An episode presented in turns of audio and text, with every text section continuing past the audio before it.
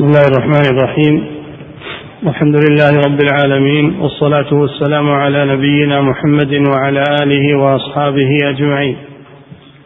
أما بعد قال المؤلف رحمه الله تعالى وقال الله تعالى يا أيها النبي حسبك الله ومن اتبعك من المؤمنين. ومعنى ذلك عند جماهير السلف والخلف أن الله وحده حسبك وحسب من اتبعك من المؤمنين. كما بسم الله الرحمن الرحيم. الحمد لله رب العالمين.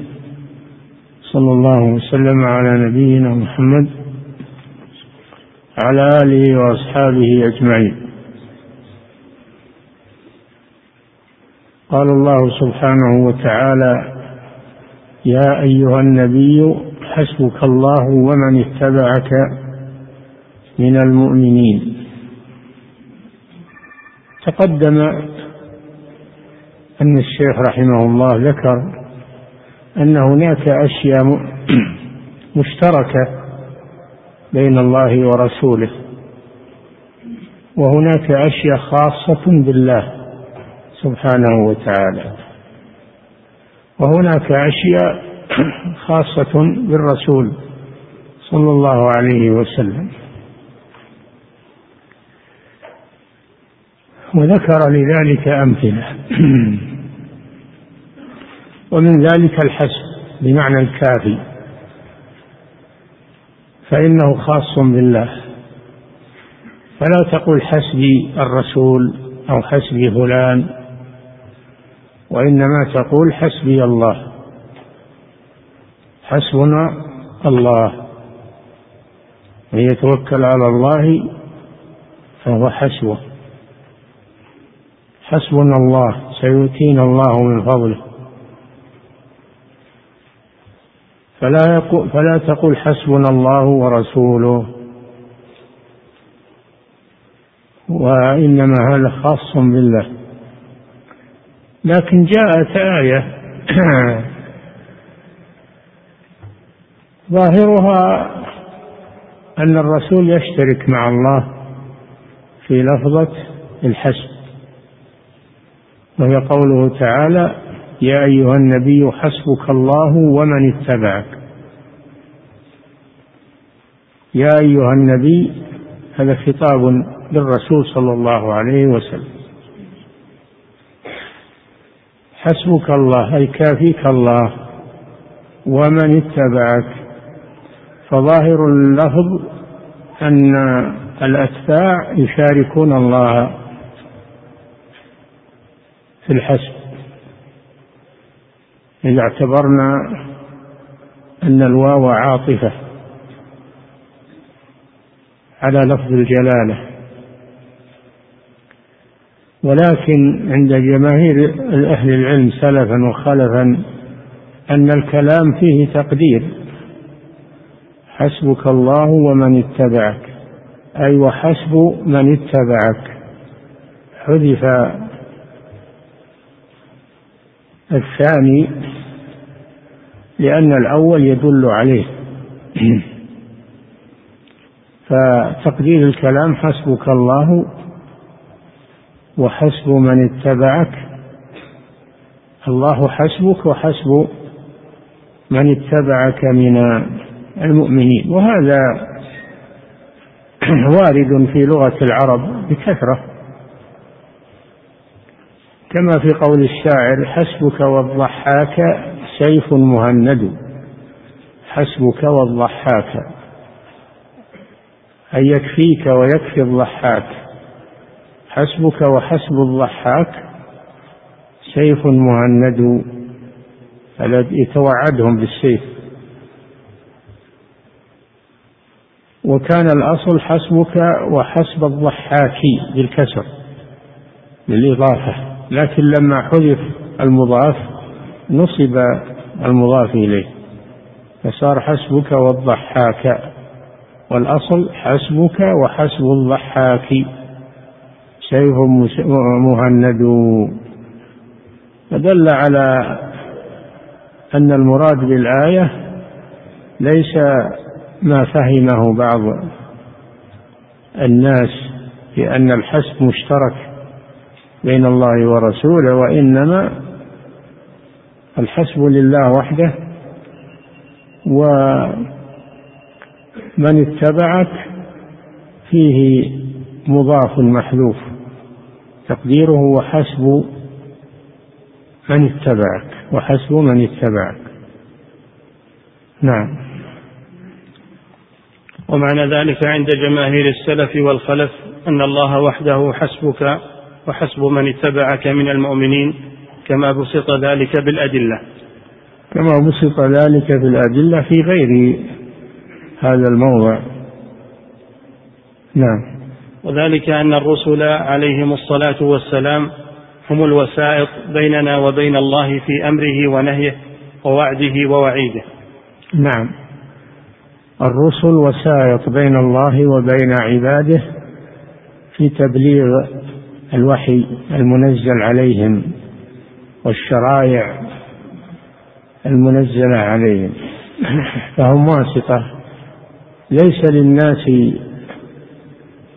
آه، ليس للناس أن يشرعوا من عند أنفسهم عبادات وإنما يعملون بما بلغتهم الرسل عن الله سبحانه وتعالى. فالعبادات توقيفية. لا بد أن يشرعها الله والرسل يبلغونها للخلق فهم واسطة بين الله وبين خلقه في تبليغ الرسالة. وليسوا واسطة بين الله وبين خلقه في قضاء الحاجات كما يقوله المخرفون. فإن هذه فإن من قال هذا فإنه مشرك لأن قضاء الحاجات من الله وحده. فليس الرسل ولا الأم ولا الأولياء الصالحين ليسوا وسائط بين الله وبين عباده في قضاء حوائج الناس. وإنما الناس يطلبون من الله مباشرة. يدعونه مباشرة بحوائجهم ويسألونه حوائجهم ولا يقولون أسألك بواسطة فلان أو بحق فلان كما سبق. هذا ممنوع. هذه الواسطة ممنوعة. فهناك واسطة مثبتة وهي وساطة الرسل في تبليغ الشرع. وهناك واسطة منفية وهي توسيط الرسل بين الله وبين عباده في قضاء حوائج العباد. ولهذا يقول الشيخ في موضع آخر هناك واسطة من أنكرها كفر وهناك واسطة من أثبتها كفر. فالتي من أنكرها كفر توسط الرسل بين الله وبين عباده في تبليغ الشرع والوحي. فمن أنكر وساطة الرسل كفر. وهناك واسطة من أثبتها كفر وهي أن يتخذ وسائط بين العباد وبين الله في قضاء حوائجهم وقبول دعائهم. نعم. وذلك أن الرسل عليهم الصلاة والسلام هم الوسائط بيننا وبين الله في أمره ونهيه ووعده ووعيده. فالحلال ما أحله الله ورسوله والحرام ما حرمه الله ورسوله والدين ما شرعه الله ورسوله. نعم الحلال ما أحله الله ورسوله. بمعنى أن الرسول مبلغ عن الله مبلغ عن الله. والحرام ما حرمه الله ورسوله. فالمحرم في الحقيقة هو الله ولكن الرسول مبلغ عن الله سبحانه وتعالى. والدين ما شرعه الله ورسوله وما لم يشرعه الله ورسوله فهو بدعة. نعم. فعلينا أن نحب الله ورسوله ونطيع الله ورسوله ونرضي الله ورسوله. نعم. فالمحبة نحب الله ونحب الرسول. والطاعة نطيع الله ونطيع الرسول. يا أيها الذين آمنوا أطيعوا الله وأطيعوا الرسول. وكذلك نرضي الله ونرضي رسوله. نرضي الله بعبادته وحده لا شريك له واتباع أمره ونرضي الرسول صلى الله عليه وسلم بطاعته والاقتداء به. نعم. قال الله تعالى والله ورسوله أحق أن يرضوه إن كانوا مؤمنين. يحلفون بالله لكم ليرضوكم أي يعني المنافقين. يحلفون بالله لكم ليرضوكم. والله ورسوله حق أن يرضوه. فالله جل وعلا يستحق أن يرضى والرسول يستحق أن يرضى. نعم. وقال الله تعالى أطيعوا الله وأطيعوا الرسول. نعم. أطيعوا الله وأطيعوا الرسول. قوله والله ورسوله أحق أن يرضوه. الضمير وإن كان مفردا عائد لله ولرسوله. والضمير والإشارة يجوز أن يعود بلفظ المفرد على أكثر من واحد. هذا في الضمير واسم الإشارة. فالضمير عائد إلى الله ورسوله أن يرضوه أن يرضوا الله ويرضوا رسوله. نعم. وقال تعالى أطيعوا الله وأطيعوا الرسول. أطيعوا الله وأطيعوا الرسول. فالله يطاع والرسول يطاع. نعم. وقال الله تعالى من يطع الرسول فقد أطاع الله. وجاءت طاعة الرسول مفردة. ومن يطع الرسول من أطاع ومن يطع الرسول من أطاع الرسول فقد أطاع الله. ومن تولى فما أرسلناك عليهم حفيظا. فجاءت طاعة الرسول مفردة. لأن طاعة الرسول طاعة لله سبحانه وتعالى. ومعصية الرسول معصية لله. طاعة الرسول طاعة لمن أرسله. ومعصيته معصية لمن أرسله. نعم. وقال تعالى من يطع الرسول فقد أطاع الله. وقال تعالى من يطع الرسول فقد أطاع الله. جاءت طاعة الرسول مفردة. لأنها طاعة لله عز وجل. وطاعة الرسول طاعة للمرسل. نعم. وقال الله تعالى قل إن كان آباؤكم وأبناؤكم وإخوانكم وأزواجكم وعشيرتكم وأموال اقترفتموها وتجارة تخشون كسادها ومساكن ترضونها أحب إليكم من الله ورسوله وجهاد في سبيله فتربصوا حتى يأتي الله بأمره. هناك أشياء يحبها الإنسان محبة طبيعية لا يؤاخذ عليها. وهي أن يحب آباءه ويحب أبناءه ويحب إخوانه. وإن كان آباؤكم وأبناؤكم وأزواجكم يحب زوجته والزوجة تحب زوجها وعشيرتكم الإنسان يحب قبيلته يحب قبيلته والعشيرته. وأموال اقترفتموها الإنسان يحب المال تحبون المال حبا جما وإنه لحب الخير يعني المال لشديد. وتجارة تخشون كسادها تحبون البيع والشراء والاتجار وتخشون الخسارة والكساد هذه أمور يحبها الإنسان بطبيعته. يحب بلده يحب بلده ومساكن ترضونها ويحب بيته. طبيعي هذا طبيعي. حب لكن لا يحب هذه الأشياء يقدم محبة هذه الأشياء على محبة الله ورسوله. فإذا قدم محبة هذه الأشياء الثمانية على محبة الله ورسوله فهو مذموم ومتوعد. أما إذا أحبها ولم يقدمها على محبة الله ورسوله فإنه لا يلام. أحب ولهذا قال أحب إليكم من الله ورسوله. وجهاد في سبيله. هذا تهديد لمن يترك الهجرة حبا لوطنه. يترك الجهاد حبا لحياته وحبا لوطنه وأولاده. فيقدم محبة هذه الأشياء على طاعة الله ورسوله. فتربصوا انتظروا حتى يأتي الله بأمره. هذا تهديد.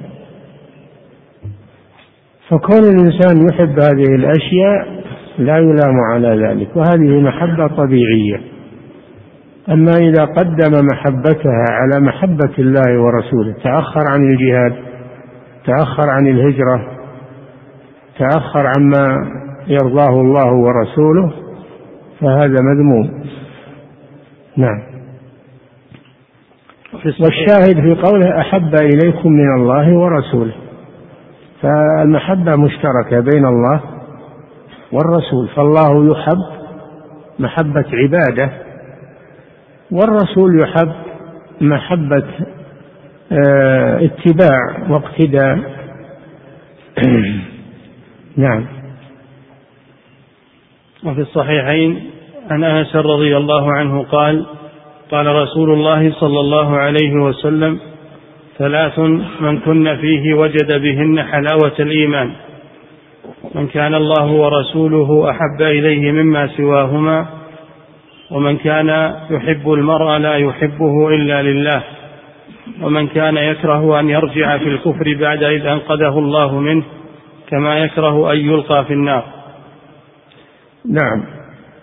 الشاهد في قوله أن يكون الله ورسوله أحب إليه مما سواهما. فالله يحب والرسول صلى الله عليه وسلم يحب.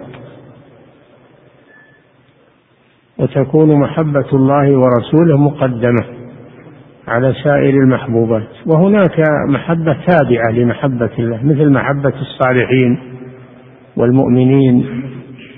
هذه تابعة لمحبة الله ورسوله وهي ما يسمى بالحب في الله. الحب في الله. فأنت تحب الله وتحب في الله. فمحبة الصالحين محبة في الله عز وجل. نعم. ثلاث من كن فيه وجد بهن حلاوة الإيمان. فالإيمان له حلاوة. إذا ذاقها الإنسان لم يقدم عليها شيء. حلاوة في القلب. ما كل مؤمن عنده حلاوة الإيمان. فيه من هو مؤمن لكن ما وجد حلاوة الإيمان. فإذا وجد حلاوة الإيمان هذه أعلى درجات الإيمان. لها علامة. ما هي علامة؟ أن يكون الله ورسوله أحب إليه مما سواهم. هذه علامة حلاوة الإيمان. وأن يحب المرء لا يحبه إلا لله لا يحبه من أجل مال أو قرابة وإنما يحبه لله عز وجل وهي المحبة في الله. وأن يكره أن يعود في الكفر يعني يكره الكفر كراهية شديدة. حتى لو ألقي في النار أحب إليه من أنه يكفر. يعني إلقاؤه في النار مع ما في ذلك من الألم أحب إليه من الكفر أنه يكفر بالله عز وجل ويكره أن يعود في الكفر بعد إذا انقذه الله منه كما يكره أن يقذف في النار فيكره الكفر كما يكره النار. هذا دلال على دليل على محبة على حلاوة الإيمان في قلبه. يدل على حلاوة الإيمان التي خالطت بشاشة قلبه. نعم. وقد قال الله تعالى إنا أرسلناك شاهدا ومبشرا ونذيرا لتؤمنوا بالله ورسوله وتعزروه وتوقروه وتسبحوه بكرة وأصيلا. فالإيمان بالله والرسول والتعزير والتوقير للرسول وتعزيره نصره ومنعه. والتسبيح بكرة وأصيلا لله وحده فإن ذلك من العبادة لله. ذكر في هذه الآية الحقوق. فهناك حق مشترك بين الله ورسوله وهو الإيمان بالله ورسوله وهو المحبة محبة الله ورسوله. لتؤمنوا بالله ورسوله. وذكر شيئا خاصا بالرسول وتعزروه يعني الرسول وتوقروه. والتعزير هنا المراد به التوقير والاحترام والتقدير لأن التعزير من الألفاظ المشتركة. يطلق ويراد به التوقير ويطلق ويراد به التأديب. ومنه التعزير في المعاصي يعني التأديب. والمراد هنا بالتعزير التوقير والاحترام. تعزروه يعني توقروا الرسول صلى الله عليه وسلم وتعظموه وتحترموه. وتعزروه وتوقروه. ثم ذكر الخاص بالله فقال وتسبحوه يعني الله جل وعلا. تسبحوه أي الله جل وعلا. فالتسبيح حق لله ليس للرسول فيه شيء. فذكر الحقوق المشتركة الحقوق الخاصة بالله الحقوق الخاصة بالرسول صلى الله عليه وسلم في هذه الآية. نعم. فالإيمان بالله والرسول التعزير والتوقير للرسول وتعزيره نصره ومنعه والتسبيح بكرة وأصيلا لله وحده فإن ذلك من العبادة لله والعبادة هي لله وحده فلا يص عبادة لله وحده والطاعة تكون لله وتكون للرسول المحبة تكون لله وتكون للرسول. نعم. والعبادة هي لله وحده فلا يصلى إلا لله ولا يصام إلا لله ولا يحج إلا إلى بيت الله ولا تشد الرحال إلا إلى المساجد الثلاثة. لكون هذه المساجد بناها أنبياء الله بإذن الله. نعم. لا يجوز السفر للعبادة في مكان إلا إلى المساجد الثلاثة. المسجد الحرام وهذا بناه إبراهيم الخليل عليه الصلاة والسلام والمسجد النبوي وهذا بناه محمد صلى الله عليه وسلم والمسجد الأقصى بفلسطين وهذا بناه إسحاق ابن إبراهيم عليه السلام. وقيل بناه يعقوب ابن إسحاق ابن إبراهيم. فهذه بناها الأنبياء. فلذلك امتازت على غيرها من المساجد في أنها يشرع السفر لأجل الاعتكاف فيها والصلاة فيها. فيها مزية على غيرها. أما ما عداها من المساجد فهي سواء لا يخص منها مسجد. كلها سواء ولا يسافر لأجل مسجد من المساجد. المسجد الأموي في في الشام أو المسجد أي مسجد في الأرض لا يسافر له. المساجد كلها سواء. إلا هذه المساجد الثلاثة. فإنها لها مزية على غيرها لأنها مساجد الأنبياء عليهم الصلاة والسلام. نعم. ولا تشد الرحال إلا إلى المساجد الثلاثة لكون هذه المساجد بناها أنبياء الله بإذن الله. ولا نعم. ولا ينذر إلا لله.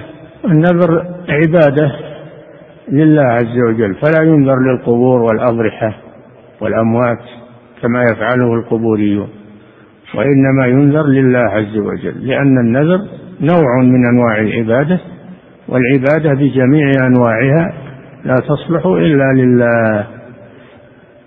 والنذر عبادة بدليل قوله تعالى يوفون بالنذر مدحهم على الوفاء بالنذر.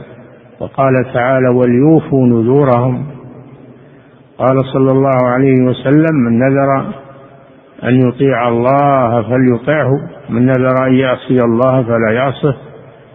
قال تعالى وما أنفقتم من نفقة أو نذرتم من نذر فإن الله يعلمه فالنذر عبادة. ما دام أنه عبادة فلا يجوز النذر لغير الله. لا ينذر للقبور والأضرحة والأموات تقربا إليهم. نعم.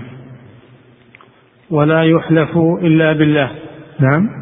ولا يحلف إلا بالله. ولا يحلف إلا بالله. قال صلى الله عليه وسلم من كان حالفا قال صلى الله عليه وسلم لا تحلفوا بآبائكم. من كان حالفا فليحلف بالله أو ليصمت. قال عليه الصلاة والسلام من حلف بغير الله فقد كفر أو أشرك. فلا يجوز الحلف إلا بالله عز وجل. أو بصفة من صفاته أو اسم من أسمائه. نعم.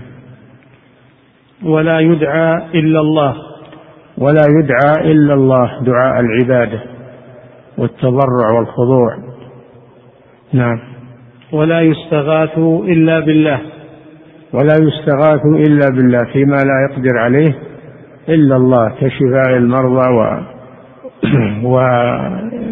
وإعطاء الأرزاق وغير ذلك لا يستغاث في الشدائد والكروبات التي لا يقدر عليها إلا الله إلا بالله عز وجل. أما الاستغاثة بالمخلوق فيما يقدر عليه فلا بأس. استغاثه الذي من شيعته على الذي من عدوه. و فالاستغاثة بين الناس فيما يقدرون عليه لا بأس. أما الاستغاثة في الأشياء التي لا يقدر عليها إلا الله فهي عبادة ولا تجوز إلا لله عز وجل. والاستغاثة أخص من الدعاء لأن الاستغاثة إنما تكون عند الضرورة تكون عند شدة الحاجة والضرورة. نعم. وأما ما خلقه الله سبحانه من الحيوان والنبات والمطر والسحاب وسائر المخلوقات فلم يجعل غيره من العباد واسطة في ذلك الخلق. نعم. المخلوقات كلها إنما هي أسباب أسباب يوجد الله بها ما يشاء. فليست هي التي توجد من نفسها وإنما الله هو الذي يجعلها اسبابا يوجد بها ما يشاء من الارزاق والأمطار وغير ذلك. فهي أسباب فقط. لا أنها هي التي تحدث الأشياء بذاتها وإنما يجعلها الله اسبابا كما جعل السحاب سببا للمطر والرياح سبب لإنشاء السحاب.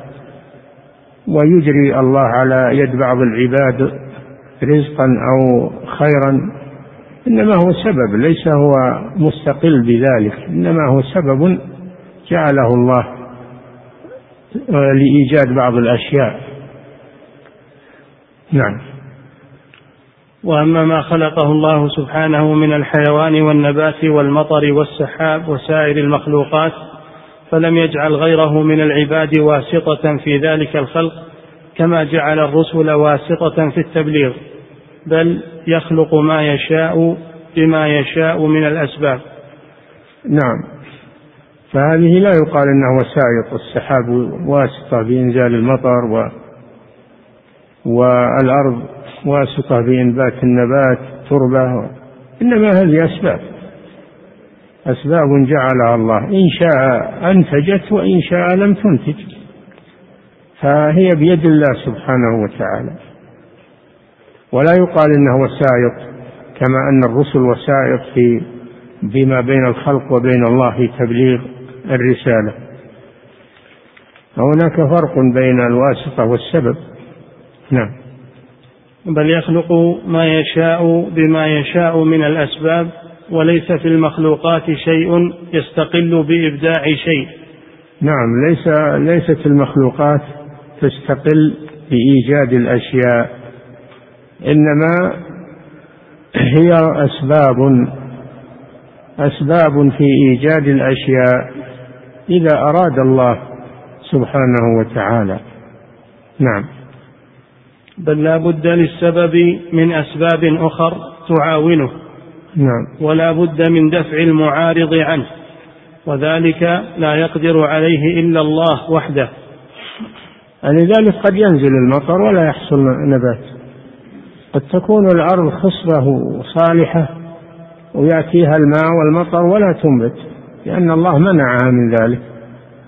فالأمور بيد الله سبحانه وتعالى. قد يتزوج الإنسان ولا ينجب لأن الله لم يجعل لم يقدر ذلك. فليست الأسباب تستقل بإيجاد المسببات وإنما هذا راجع إلى تقدير الله ومشيئته سبحانه وتعالى. وإلا فقد يجعل الله موانع للأسباب فلا تنتج. يجعل الله موانع تمنع الأسباب من الإنتاج. نعم. فما شاء الله كان وما لم يشاء لم يكن.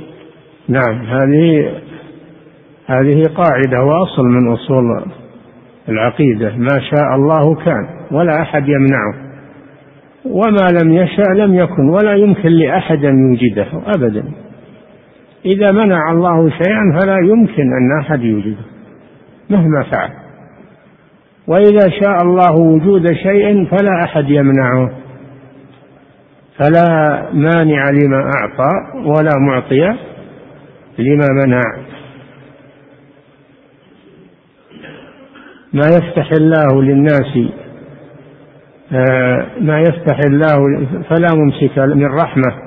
ما يفتح الله للناس من رحمة فلا ممسك لها وما يمسك فلا مرسل له من بعده. نعم. ما شاء كان وما لم يشاء لم يكن. لو اجتمع الخلق كلهم على أن يوجدوا شيئا لم يشا الله وجوده ما استطاعوا.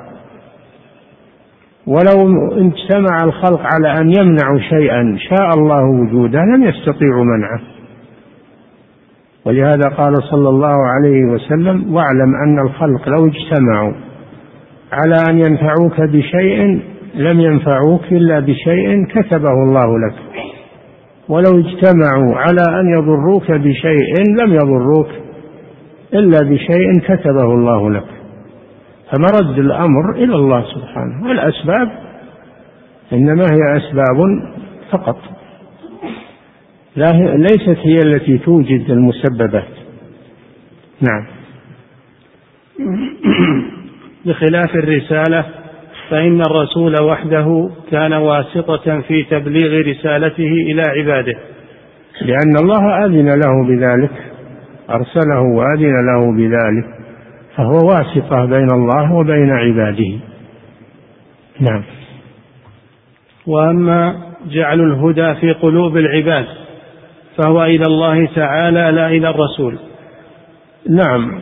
الرسول إنما هو مبلغ عن الله ويهدي إلى الصراط المستقيم بمعنى يدل عليه يدل الخلق على الحق. وأما الهداية هداية القلوب فهي إلى الله. هناك هدايتان هداية الدلالة والإرشاد. وهذه يملكها الرسول صلى الله عليه وسلم ويملكها أيضا العلماء يبينون ويرشدون. قال تعالى وإنك لتهدي إلى صراط مستقيم. الرسول يهدي هداية الدلالة والإرشاد والبيان. وكذلك ورثة الرسل يهدون. وجعلنا منهم أئمة يهدون يهدون بأمرنا. وأما النوع الثاني وهي هداية القلوب فهذه لا يملكها إلا الله سبحانه وتعالى. لا الرسول ولا غيره يستطيع أن يهدي قلوب الناس. إنك لا تهدي من أحببت ولكن الله يهدي من يشاء وهو أعلم بالمهتدين. أفأنت تكره الناس حتى يكونوا مؤمنين؟ هذا بيد الله سبحانه وتعالى. فالذي على الرسول وعلى أتباعه إنما هي هداية البيان والدلالة والإرشاد فقط. قال تعالى وأما ثمود فهديناهم يعني دللناهم فاستحبوا العمى على الهدى. فالمراد بقوله هديناهم يعني دللناهم على على الحق ولكنهم لم يقبلوه. قال تعالى وهديناه النجدين دللناه على الخير والشر بينا له وضحنا له. نعم. وأما جعل الهدى في قلوب العباد فهو إلى الله تعالى لا إلى الرسول كما قال الله تعالى إنك لا تهدي من أحببت ولكن الله يهدي من يشاء. حرص الرسول صلى الله عليه وسلم حرصا شديدا على هداية عمه أبي طالب. حرص أن يقول لا إله إلا الله عند وفاته. حرص حرصا شديدا. ولكن الله لم يشاء أن أبا طالب يهتدي لأنه آثر الحق على الباطل. مع علمه أن الرسول على حق لكنه لم يتبعه من باب الحمية لدين قومه ودين عبد المطلب من باب الحمية فقط. ولقد علمت بأن دين محمد من خير أديان البني البرية دينا لولا الملامة أو حذار مسبة لرأيتني سمحا بذاك مبينا. هذا من شعر أبي طالب. فالذي منعه الحمية والعياذ بالله. حمية الجاهلية. من أن يقبل الحق. فالله جل وعلا الرسول حزن حزنا شديدا على أن عمه مات على الكفر حزن حزنا شديدا وقال لا أستغفرن لك ما لم أنه عنك. فأنزل الله تعالى ما كان للنبي والذين آمنوا أن يستغفروا للمشركين ولو كانوا أولي قربى. من بعد ما تبين لهم أنهم أصحاب الجحيم.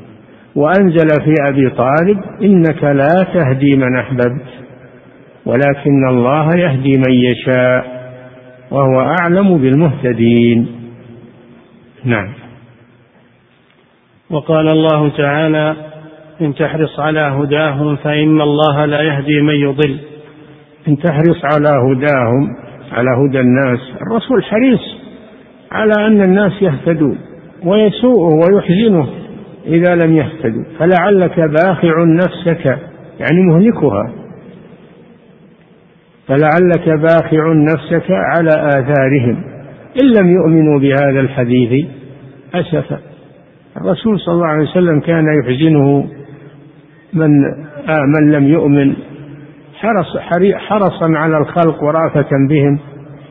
وكاد أن يهلك نفسه بسبب بطريق ذلك. فالله طمأنه وقال إن لعلك باخع نفسك على آثاري. إن لم يؤمنوا بهذا الحديث أسفا. فالهداية بيد الله. الرسول ما يملك إلا الدلالة والإرشاد. والله هو الذي يعلم من يستحق الهداية ومن لا يستحقها.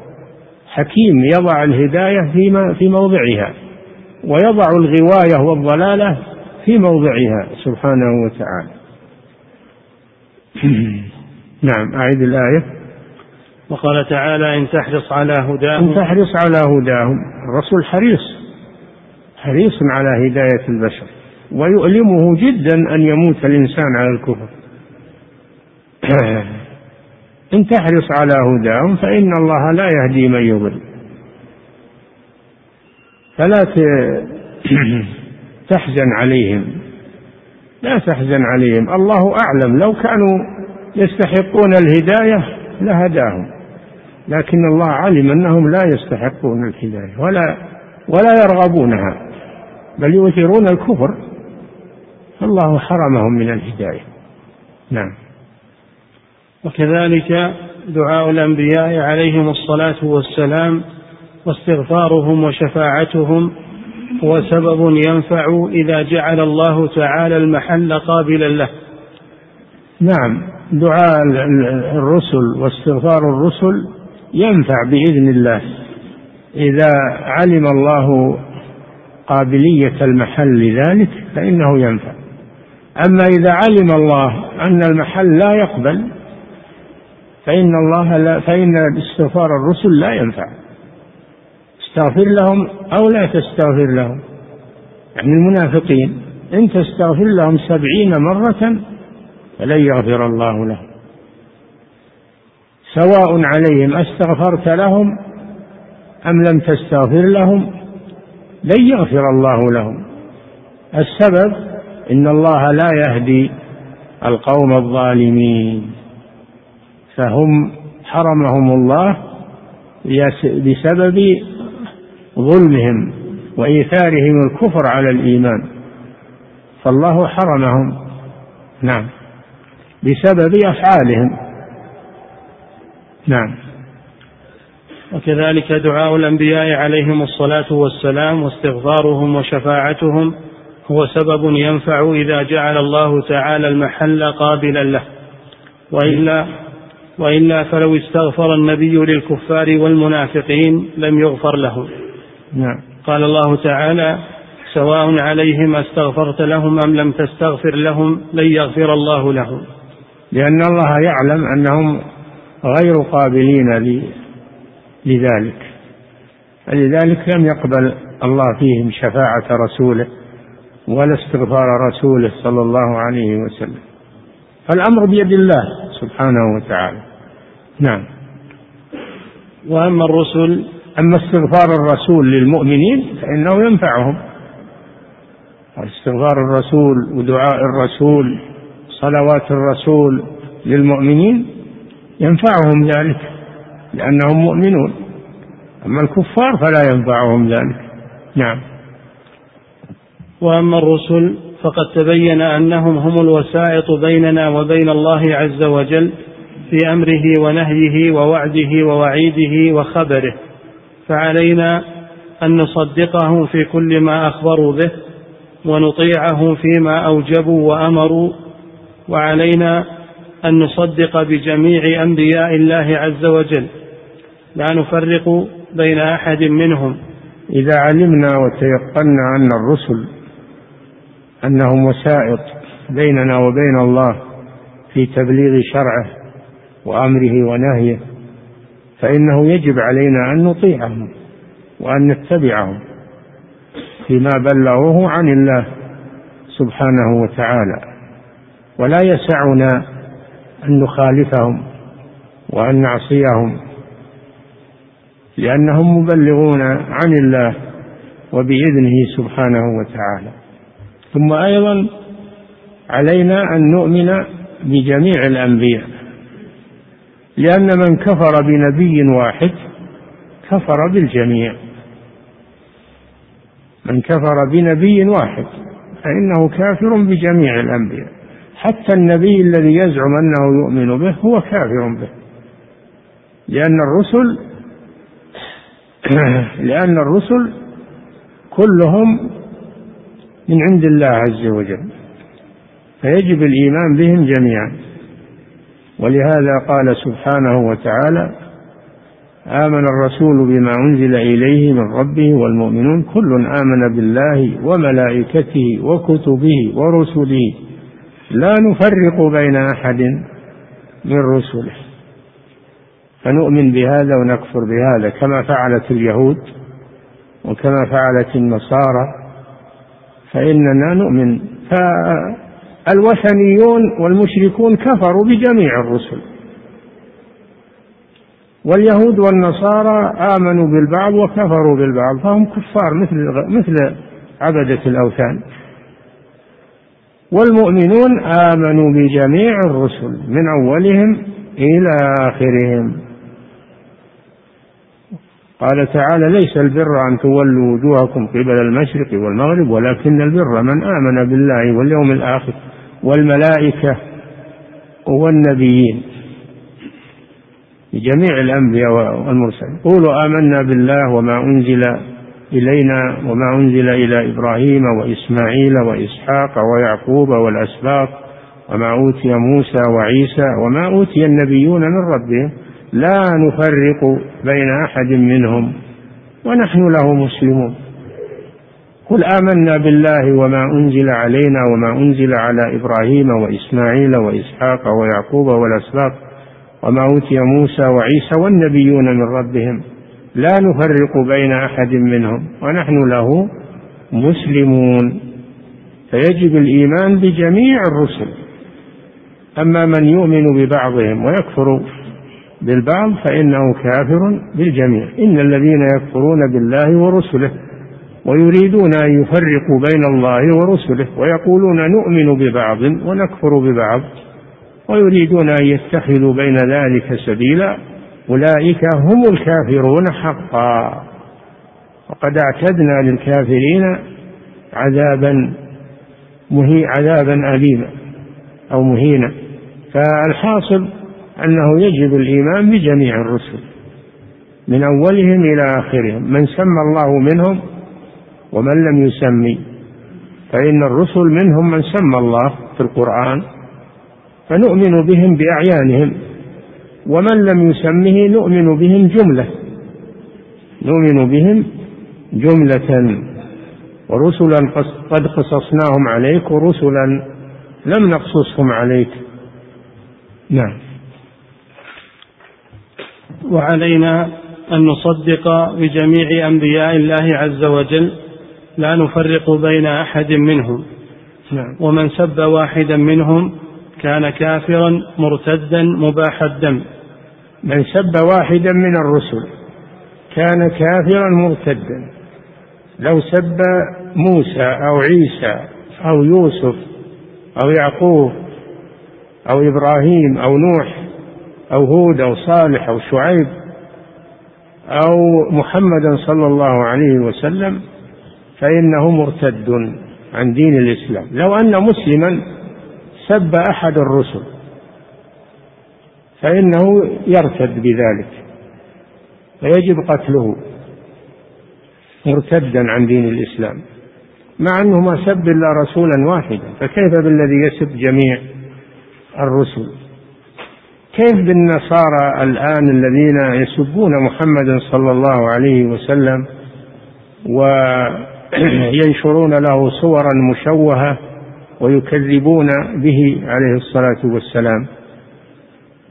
ويقال لنا تقاربوا معهم تقاربوا مع الأديان الثلاثة أديان الكفر والضلال والإلحاد نتقارب معهم نجمع بين الكفر والإيمان حاشا وكلا. نعم. وإذا تكلمنا فيما يستحقه الله تبارك وتعالى من التوحيد بينا أن الأنبياء وغيرهم من المخلوقين لا يستحقون ما يستحقه الله تبارك وتعالى من خصائص. نعم هذا ذكرنا تكرر أن خصائص الله وحقوق الله لا يشاركه فيها غيره. لا نبي مقرب ولا لا عبد لا ملك مقرب ولا نبي مرسل. فالعبادة حق لله لا يشاركه فيها غيره. فلا يعبد مع الله أحدا. لا من الملائكة ولا من الرسل ولا من الأولياء والصالحين ولا من الجن والإنس ولا من الأشجار والأحجار وغير ذلك. العبادة حق لله لا يشاركه فيها غيره. نعم. أن الأنبياء وغيرهم من المخلوقين لا يستحقون ما يستحقه الله تبارك وتعالى من خصائص فلا يشرك بهم ولا يتوكل عليهم ولا يستغاث بهم كما يستغاث بالله ولا يقسم على الله بهم ولا يتوسل بذواتهم وإنما يتوسل بالإيمان بهم وبمحو التوسل بالأنبياء بذواتهم أو السؤال بهم لا يجوز أما التوسل باتباعهم والإيمان بهم فهذا عمل عمل صالح توسل به. ربنا آمنا بما أنزلت واتبعنا الرسول اكتبنا مع الشاهدين. ربنا إننا سمعنا مناديا ينادي للإيمان أن آمنوا بربكم فآمنا. توسل هذا إلى الله بالإيمان والأعمال الصالحة واتباع الرسول. هذا توسل مشروع التوسل بذواتهم أو سؤال الله بهم فهذا لا يجوز. فكيف بدعائهم مع الله وإشراكهم مع الله؟ هذا أشد. نعم. وإنما يتوسل بالإيمان بهم وبمحبتهم وطاعتهم وموالاتهم وتعزيرهم وتوقيرهم ومعاداة من عاداهم وطاعتهم فيما أمروا وتصديقهم فيما أخبروا وتحليل ما حللوه وتحريم ما حرموه. لأن هذا من العمل الذي العمل الصالح الذي يتوسل به إلى الله سبحانه وتعالى. نعم. والتوسل بذلك على وجهين. أحدهما أن يتوسل بذلك إلى إجابة الدعاء وإعطاء السؤال كحديث الثلاثة الذين أووا إلى الغار فإنهم توسلوا بأعمالهم الصالحة ليجيب دعاءهم ويفرج كربتهم وقد تقدم بيان ذلك. نعم الثلاثة الذين أعواهم الغار وانسدت عليهم سدت عليهم الصخرة الخروج منه. فوقعوا في شدة انطبقت الصخرة عليهم فسدت المخرج. وهم في غار في جبل. وين يروحون؟ من أين يذهبون؟ فلجأوا إلى الله بالتوسل بأعمالهم الصالحة. واحد توسل ببره بوالديه والثاني توسل إلى الله بأمانته وحفظه لإجرة الأجير وإعطائه حقه والثالث توسل إلى الله بعفته عن الحرام والزنا بعدما تمكن منه وتركه خوفا من الله. فلما توسلوا إلى الله بأعمالهم انفرجت الصخرة وخرجوا يمشون. نعم. والثاني التوسل بذلك إلى حصول ثواب الله وجنته ورضوانه. يعني التوسل إلى الله بالأعمال الصالحة على قسمين. توسل إلى الله في شدائد الدنيا وكرباتها مثل ما وقع لأصحاب الغار وتوسل إلى الله في الآخرة لطلب الجنة والنجاة من النار. نعم. والثاني التوسل بذلك إلى حصول ثواب الله وجنته ورضوانه فإن الأعمال الصالحة التي أمر بها الرسول صلى الله عليه وسلم هي الوسيلة التامة إلى سعادة الدنيا والآخرة. ومثل, ومثل هذا كقول المؤمنين ربنا إننا سمعنا مناديا ينادي للإيمان أن آمنوا بربكم فآمنا. والمنادي هو محمد صلى الله عليه وسلم. لما دعاهم إلى الإيمان آمنوا به وصدقوه. نعم. فآمنا ربنا فاغفر لنا ذنوبنا وكفر عنا سيئاتنا وتوفنا مع الأبرار. فإنهم قدموا ذكر الإيمان قبل الدعاء. نعم. ومثل ذلك ما حكاه الله سبحانه عن المؤمنين في قوله تعالى إنه كان فريق من عبادي يقولون ربنا آمنا فاغفر لنا وارحمنا وأنت خير الراحمين. ربنا إننا آمنا فاغفر لنا وارحمنا وأنت خير الراحمين. إنه كان فريق من عبادي يقولون ربنا آمنا. توسلوا إلى الله بالإيمان بأن يغفر الله لهم ويرحمهم فاستجاب الله دعاءهم سبحانه وتعالى. نعم. وأمثال ذلك كثير. وكذلك التوسل بدعاء النبي صلى الله عليه وسلم وشفاعته في حياته صلى الله عليه وسلم. يتوسل بدعاء فيطلب من الرسول أن يدعو الله للشخص أو يدعو الله للناس عموما. لأنه مجاب الدعوة عليه الصلاة والسلام. فهذا توسل بدعاء الرسول صلى الله عليه وسلم. وكذلك غيره من الصالحين تطلب من أخ من أخ لك في الله عبد صالح أن يدعو لك. لا بأس بذلك. نعم. توسل بدعاء الرسول أو بدعاء الصالحين في حال وجودهم وحياتهم لا بأس. هذا سبب من الأسباب. نعم. وكذلك التوسل بدعاء النبي صلى الله عليه وسلم وشفاعته فإنه يكون على وجهين. أحدهما أن يطلب منه الدعاء والشفاعة فيدعو ويشفع كما كان يطلب منه في حياته وكما يطلب منه يوم القيامة. يعني طلب الدعاء والشفاعة من الرسول إنما هي في حياته صلى الله عليه وسلم في الدنيا كما كان الصحابة. يطلبون ذلك منه فيدعو لهم. أو في الآخرة حياته في الآخرة. فإن العالم كلهم يتقدمون إليه ويطلبون منه أن يدعو الله لهم بفصل القضاء بينهم وإراحتهم من المحشر. فيدعو الله لهم فيستجيب الله دعوة رسوله. فطلب الدعاء من الحي الحاضر الرسول أو غيره لا بأس بذلك. نعم. إما في حياة الدنيا وإما في الآخرة. نعم. وكما أما طلب الدعاء من الميت أو الشفاعة من الميت هذا أمر لا يجوز. نعم. وكما يطلب منه يوم القيامة حين يأتون آدم ونوحا ثم الخليل ثم موسى الكليم ثم عيسى ثم يأتون محمدا صلوات الله عليهم وسلامه فيطلبون منه الشفاعة. نعم الشفاعة العظمى. الشفاعة العظمى المقام المحمود. عسى أن يبعثك ربك مقاما محمودا.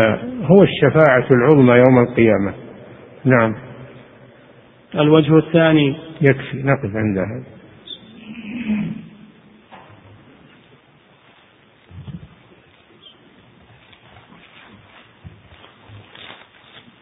يقول فضيلة الشيخ وفقكم الله في قول الشيخ رحمه الله والدين ما شرعه الله ورسوله.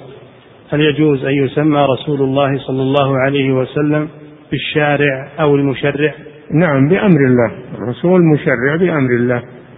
هو من عنده وإنما هو من عند الله. واسطة بيننا وبين الله. نعم.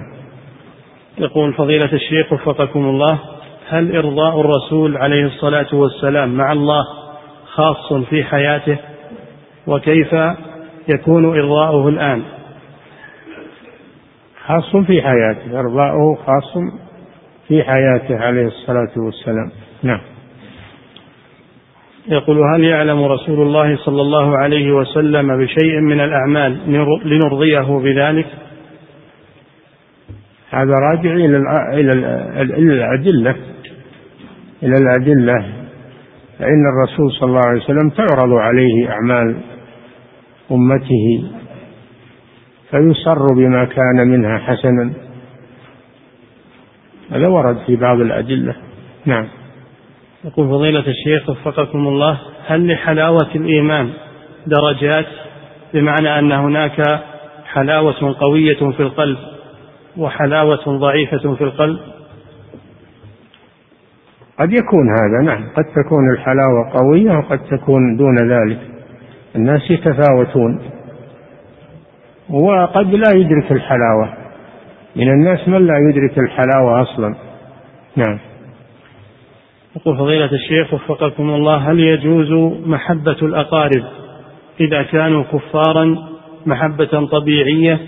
وكذلك محبة البلاد الكافرة إذا كان المرء من تلك البلاد؟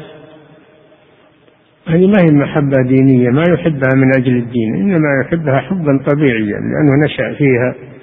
يحب عشيرته وأقاربه وإن كانوا كفارا محبة طبيعية ما هي دينية. ولذلك لا يقدمها على محبة الله ورسوله وعلى طاعة الله ورسوله. نعم. يقول فضيلة الشيخ وفقكم الله التعليل بأن المساجد الثلاثة جاز شد الرحال إليها لأنه قد بناها الأنبياء. هل على ذلك دليل أو هو, أو هو التماس للحكمة؟ أنت تشك أن, أن إبراهيم هو اللي بنى الكعبة؟ الله ذكر هذا.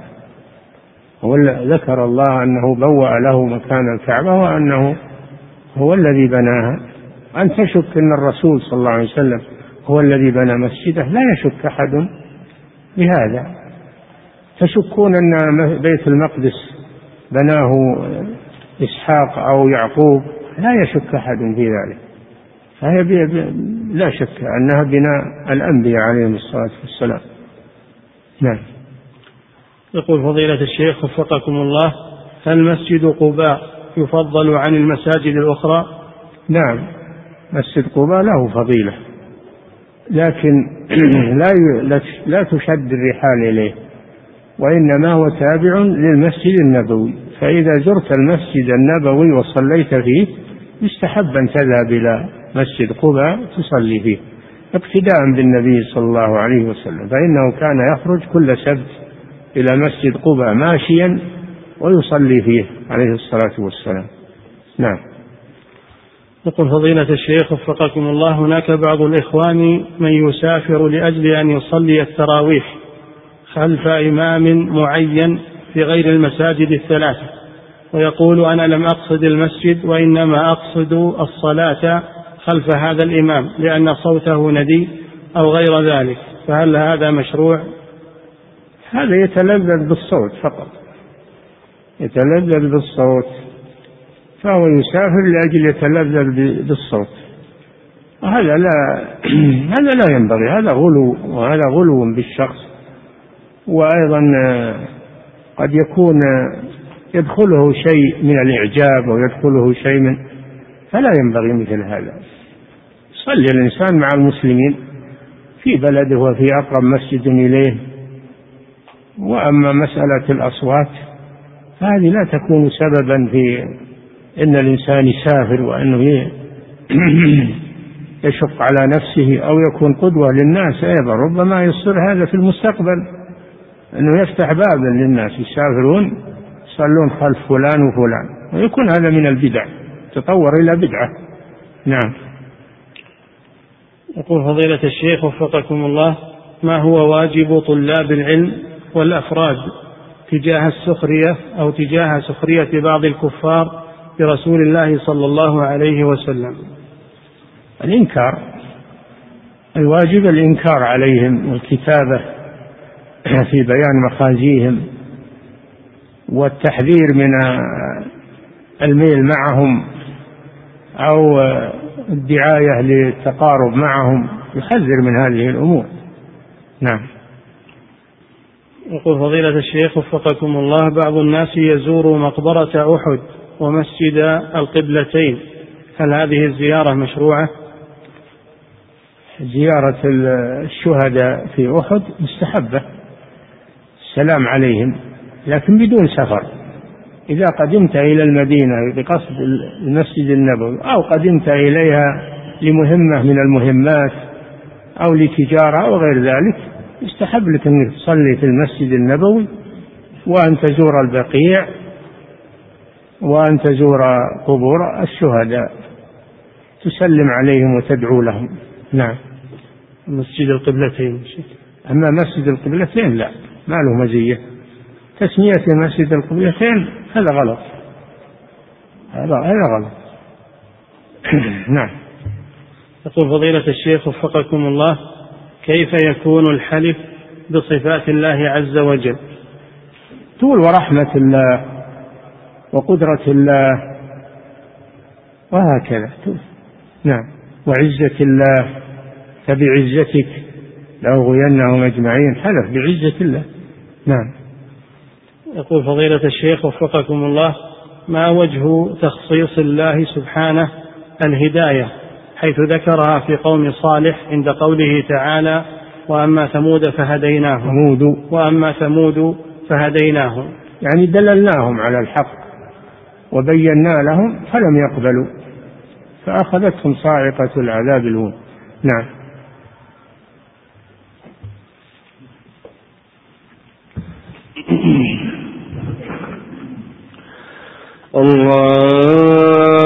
الله أكبر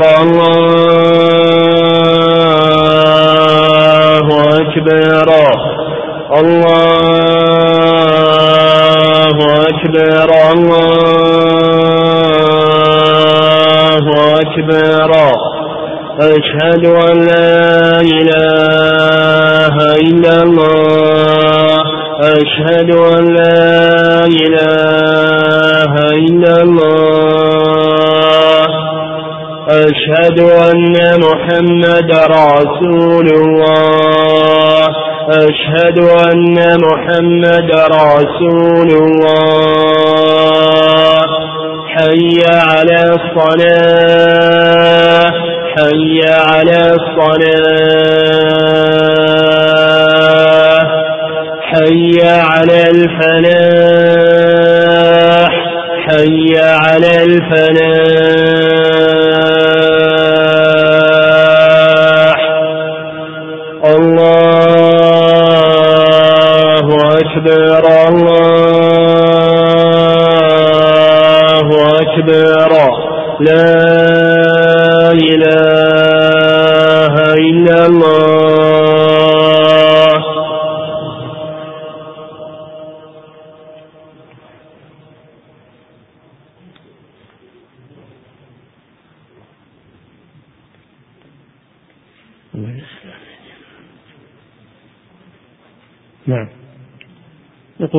الشيخ وفقكم الله هل دعاء الوالد لأبنائه بالهداية. هل يعد هذا مستحبا؟ أو أن الله قد كتب لهم الهداية من قبل أو الغواية من قبل؟ الدعاء لهم بالهداية أمر مشروع. هذا أمر مشروع ولا يتكل على القدر ويقول الله إن كان قدر هدايتهم ما يحتاج دعاء وإن كان قدر إضلالهم ما ينفع الدعاء. هذا من الشيطان. الإنسان يدعو ويفعل السبب والنتائج بيد الله سبحانه وتعالى. والدعاء له مكانة عند الله سبحانه وتعالى. وإبراهيم عليه السلام دعا لذريته رب اجعلني مقيم الصلاة. ومن ذريتي دعا لذريته من بعد. نعم. يقول فضيلة الشيخ وفقكم الله رجل من المسلمين ناقش نصرانيا فسب النصراني محمدا صلى الله عليه وسلم فقام المسلم فسب عيسى عليه السلام لإغاظة النصراني جاهلا أن هذا كفر. نعوذ بالله. فهل يعذر بجهله وماذا عليه؟ إذا كان جاهلا يبين له يبين له هذا لو كان قاصدا له ومتعمدا له كفر. ولكن الجهل يدرأ عنه الكفر حتى يبين له. ولا يجوز سب الأنبياء عليهم الصلاة والسلام. نعم. يقول فضيلة الشيخ وفقكم الله قرأت في كتاب اسمه قواعد في توحيد الألوهية لأن قول الله تعالى فاستغاثه الذي من شيعته على الذي من عدوه لا تدل على جواز الاستغاثة فيما يقدر عليه المخلوق لأن هذا من شرع من قبلنا. فهل هذا القول صحيح؟ لا هذا كلام جاهل هو كلام عالم. فلا يؤخذ هذا الكلام. لابد إن هذا عصري ما هو؟ لابد انه عصري. نعم. يقول فضيلة الشيخ وفقكم الله ما حكم دعاء صفة من صفات الله؟ كأن يقول يا وجه الله. لا ما يجوز دعاء الصفة نفسها إنما يدعى الله ويتوسل إليه بصفته فيقال يا أرحم الراحمين ارحمني. يتوسل إلى الله بصفته سبحانه وتعالى. يا رزاق ارزقني وهكذا. فيدعو الله ويتوسل إليه بأسمائه وصفاته. نعم. فضيلة الشيخ وفقكم الله التوسل بالأعمال الصالحة. هل هو مستحب أم واجب؟ نعم. يقول التوسل بالأعمال الصالحة هل هو مستحب أو واجب؟ ليس واجبا إنما هو غاية ما يقال إنه مستحب. اقتداء بالصالحين الذين ذكر الله توسلهم بأعمالهم نعم. يقول فضيلة الشيخ وفقكم الله ما حكم هذا القول أسألك بحق الرسول أو بجهة الرسول. جاه الرسول. لا يجوز هذا. هذا لا يجوز. نعم. يقول فضيلة الشيخ وفقكم الله ما حكم قول الكلام التالي؟ كان الله ولم يكن شيء كان الله ولم تكن السماوات كان الله ولم يكن بشر. هل هو من كلام الصوفية؟ وهل هذه عقيدة صحيحة؟ وهل يجوز أن أتوسل لله بهذه الكلمات؟ أما كان الله ولم يكن شيء معه هذا حديث صحيح. كان الله ولم يكن شيء معه. وأما الزيادات هذه فلا أصل لها. نعم. تفاصيل؟ ما لها أصل. لم يكن شيء معه هذا عام يكفي نعم. يقول فضيلة الشيخ وفقكم الله هذا سائل من فرنسا يقول نحن شباب مقيمون في فرنسا ومستقيمون على على طريقة السلف الصالح. وقد بلينا بطلب الرزق فلا نجد عملا خاليا من المخالفات الشرعية. فما توجيهكم وفقكم الله. عليكم بتقوى الله سبحانه وتعالى. حسب ما تستطيعون. فاتقوا الله ما استطعتم. فإذا اتقيتم الله حسب استطاعتكم فإن الله لا يكلفكم بما لا تستطيعون. نعم. يقول فضيلة الشيخ وفقكم الله هل يجوز أن يقال لولا فلان لم يحصل هذا المشروع؟ إذا كان هذا الرجل سببا مؤثرا في إيجاد هذا العمل. وما هو الجواب عن قول النبي صلى الله عليه وسلم في عمه؟ وهو في ضحضاح من النار ولولا أنا لكان في الدرك الأسفل من النار أو كما قال عليه الصلاة والسلام. الصواب أن يقال لولا الله ثم فلان لولا الله ثم فلان. هذا هو التوحيد. أما لولا فلان هذا لا يجوز لأن فلانا مهما كان لا يستقل بحصول المطلوب. إنما هذا من الله سبحانه وتعالى وفلان سبب. فتقول لولا الله ثم فلان.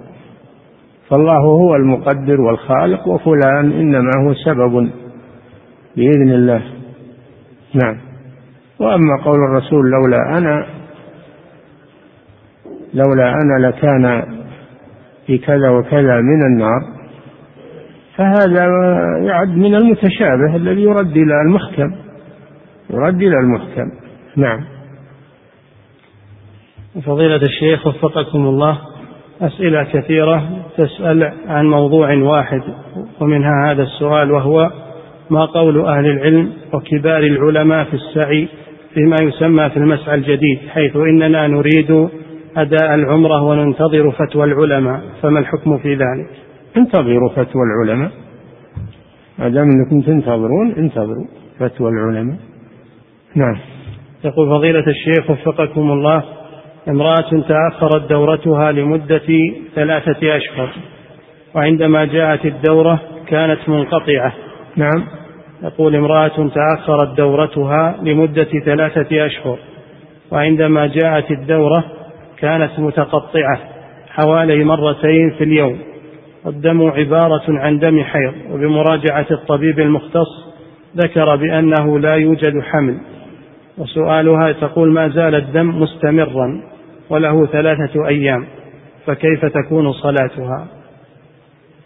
إذا كان لها عادة قبل تغير الدم إذا كان لها عادة فإنها تجلس أيام العادة ثم تصلي ما زاد عنها. وإذا لم يكن لها عادة فإنها تجلس ستة أيام وسبعة أيام غالب الحيض.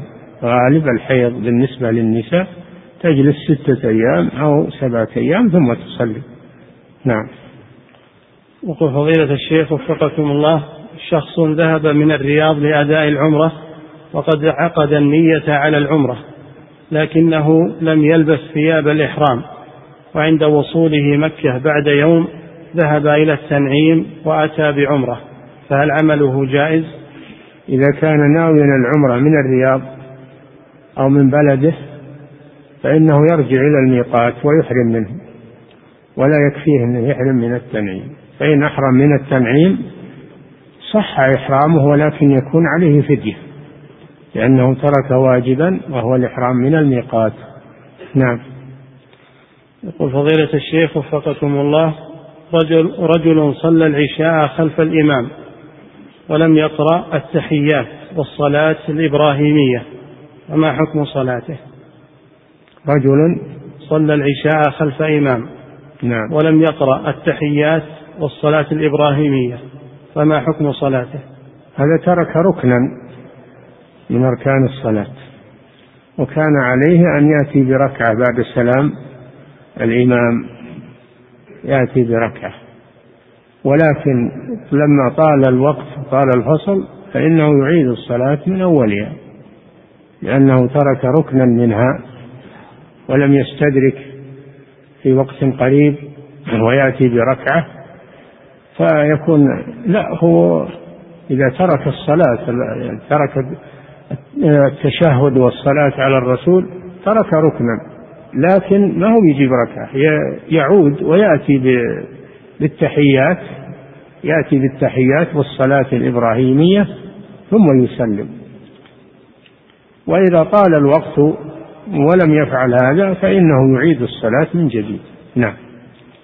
يقول فضيلة الشيخ وفقكم الله هل المأموم والإمام في صلاة الفريضة أو النافلة يقومون بالتسبيح عند الآية التي فيها تسبيح أو يتعوذون عند آية العذاب؟ في النافلة؟ والفريضة الفريضة لا إنما ورد هذا في النافلة. كان النبي صلى الله عليه وسلم في صلاة الليل إذا مر بآية رحمة وقف وسأل وإذا مر بآية فيها ذكر العذاب وقف وتعوذ هذا في النافلة. ولم يروى عنه أنه كان يفعل هذا في صلاة الفريضة. نعم. فضيلة الشيخ الإخوان يسألون عن درس الفجر غدا هل يبدأ من الغد؟ الأسبوع القادم إن شاء الله يبدأ بالأسبوع القادم. نعم. يقول فضيلة الشيخ وفقكم الله إذا تقيأ الطفل الرضيع على الثوب فهل هذا نجس يجب غسله؟ وهل قيء الكبير نجس؟ نعم القيء نجس من الصغير والكبير لأنه خارج من المعدة فيكون نجسا ويغسل مكانه من الصغير والكبير. نعم. يقول فضيلة الشيخ وفقكم الله شخص مسافر وقد تنجست ثيابه وصلى فيها خشية خروج الوقت ثم وصل إلى مكان الإقامة وأعاد الصلاة فهل فعله صحيح؟ إذا حان وقت الصلاة خشي خروج الوقت وليس معه إلا ثياب نجسة ولا يقدر على غسل النجاسة فإنه يصلي على حسب حاله ولا يعيد الصلاة صلى على حسب حاله. قوله تعالى فاتقوا الله ما استطعتم. ولكن يخفف الثياب يقتصر على ما يستر عورته فقط. والذي يزيد عن هذا يخلعه من المتنجسات ويصلي بما يستر عورته وليس عليه إعادة. نعم. يقول فضيلة الشيخ وفقكم الله هل يجوز للمرأة المحدة أن تمسح رأسها بالزيت وأن تضع الدهانات والمرطبات للجلد؟ نعم يجوز لها أن تستعمل ما لا طيب فيه من الزيوت والدهونات التي ليس فيها التي ليست مطيبة. لا مانع من ذلك ولو هي مخدة. نعم. يقول فضيلة الشيخ وفقكم الله ما حكم شراء رخص المحل لاقتنائها بذلك؟ ها؟ ما حكم شراء رخص المحل؟ إيش معنى رخص المحل؟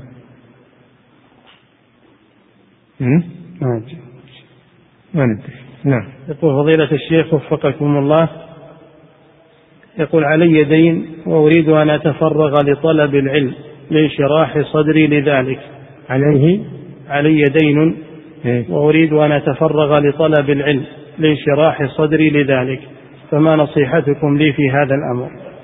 النصيحة أن تشتغل حتى تسدد الدين إلا إذا سمح لك صاحب الدين أن تجلس تطلب العلم سمح لك وأمهلك أمهلك في دينه لا بأس. نعم. يقول فضيلة الشيخ وفقكم الله ما نصيحتكم لطالب العلم في هذا الزمن الذي كثرت فيه الفتن والشبهات وأصبح لأهل الباطل منابر ينشرون من خلالها شبههم وأباطيلهم. من هنا يتأكد طلب العلم. إذا كثرت الفتن والشبهات فيتأكد على المسلم أن يطلب العلم من أجل أن يسلم من تأثير هذه الفتن وهذه الشبهات وأن يبين للناس ويرد على الناس. فهذا مما يؤكد على المسلمين آه، طلب العلم للخروج من هذه الفتن. نعم. انتهى. الله تعالى أعلم وصلى الله وسلم على نبينا محمد. الله